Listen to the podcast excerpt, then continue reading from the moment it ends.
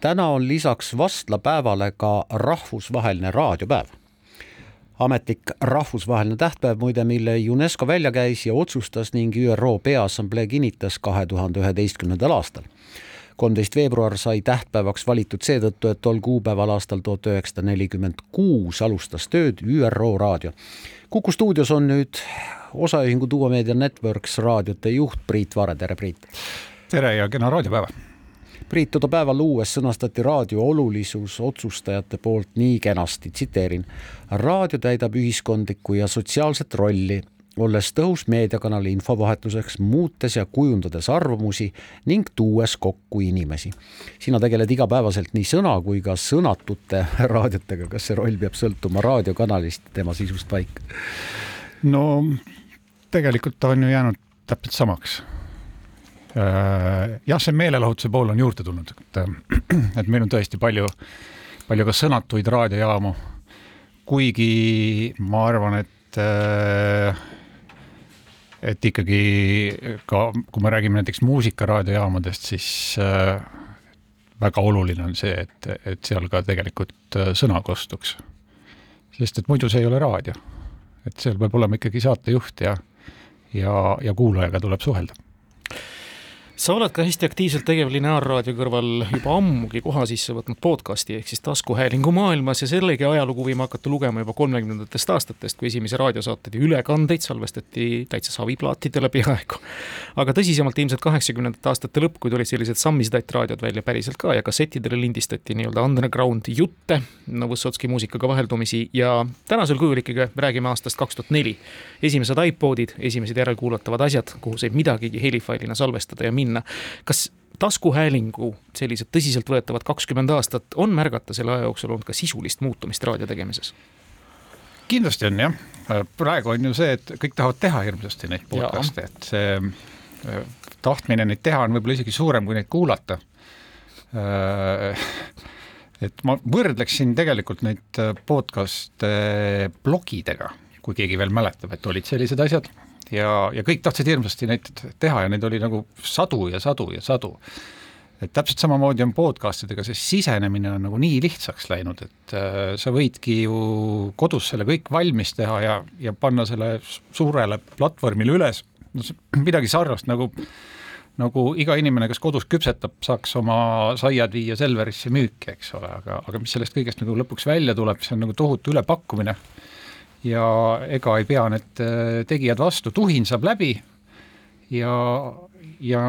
nii juhtubki, et, äh, et meil on ka näiteks blogidest jäänud alles üksikud. Priit Pullerit sa ainult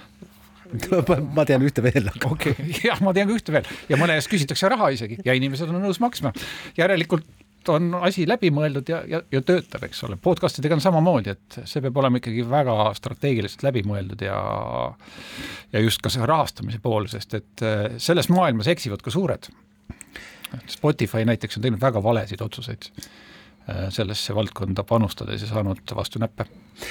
Priit, kas podcastide ajastul lahustub kuidagi raadiojaamade kaubamärk? ma pean silmas seda, et inimesed kuulavad taskuhäälingust, neid huvitavad äh,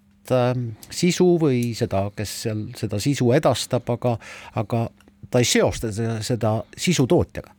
jah, äh, me võime siin süüdistada tehnikat võib-olla natukene, et tehniline areng on ju viinud selleni, et on olemas kõiksugused RSS feed'id ja asjad ja see, see saade, mida ma otse ei kuula, tuleb mulle nii-öelda sõna otseses mõttes nii-öelda prauhti sinna telefoni ja ma aina vähem võib-olla panen tähele seda, seda jaama või, või seda, kes iganes seda toodab, seda, seda saadet, et,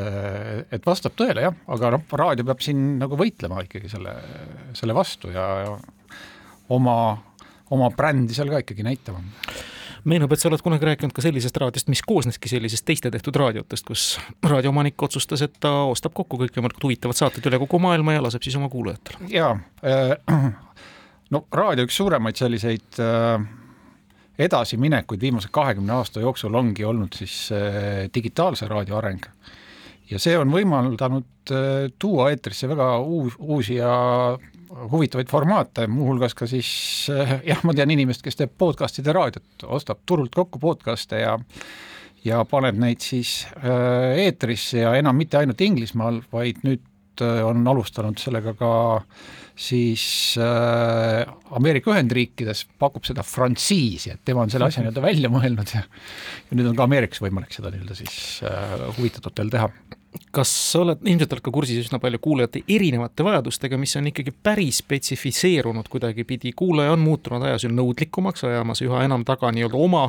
huvitavat teadet, on ta siis teatud liiki autosport, millel on kindlasti ja. suur hulk kuulajaskonda, põlluväetised, Vana-Rooma ajalugu, mis iganes. Jah, nii ta on ja, ja,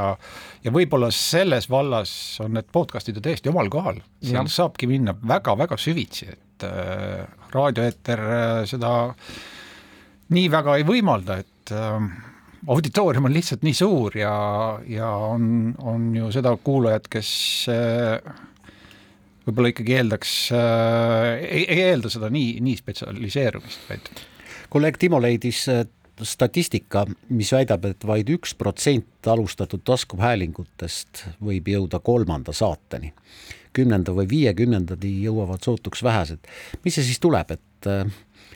et podcast'ide tootja arvab, et ah, küll ma ära lobisen, aga ega tarbija ikka päris loba kuulata ei taha, ta tahab ikka midagi asjalikku. absoluutselt, ma olen seda, noh, see kehtib ju mõnes mõttes ka raadiosaadete kohta, et äh, ma olen alati öelnud ka inimestele, et kui teil ei ole mingi saatesarja osas vähemalt kakskümmend ideed, vähemalt kakskümmend ideed paberile panna, siis ei ole mõtet alustada, sest et äh, sest et ka nendest kahekümnest ideest äh, tegelikult kolmandik osutuvad ühel hetkel ikkagi liiga nõrgaks, siis järgmisele kolmandikule te ei leia võib-olla sobivaid külalisi. Ja, ja nii see läheb ja lõpuks, lõpuks ongi need kolm saadet teil tehtud ja rohkem ideesid pole meil Aineriga on selles mõttes hästi läinud, me oleme tegelikult taskuhäälingule tänulikud, sest meie Keskpäevatund ja Tarkade klubi saavad tagasisidet muide läbi nädala, mis annab märku sellest, et neid kuulatakse läbi nädala, see järelkuulamise võimalus on olemas, ehkki mõlemad saated on eetris laupäeva pärastlõunal. see annabki siis tänase raadiotarbija mugavuse ja harjumuse kätte, mis ongi muutumatuna kohale jõudnud, kui ütleme, mingi saade pole poole tunni jooksul sul üles riputatud, juba tulevad kurjad kirjad. juba tulevad kõned, ja, ja, ja, ja, ja, ja see on olnud äh, nüüd üldse raadio üks selliseid äh, noh, tugevusi viimase kahekümne aasta jooksul, et ta on suutnud kaasa minna selle tehnilise revolutsiooniga, et et see, seda on võimalik kuulata äppides ja, ja, ja nüüd me praegu vaatame täpselt samamoodi üsna avatud pilguga selle digiraadio suunas, et et raadio peab olema igal pool, kus vähegi on võimalik audiot kuulata, olemas. Ja, ja kui seda ei ole, siis, siis asjad hakkavadki minema halvemuse poole ela igavesti raadio, suur tänu sulle, Priit Vare, tänast stuudiosse tulemast!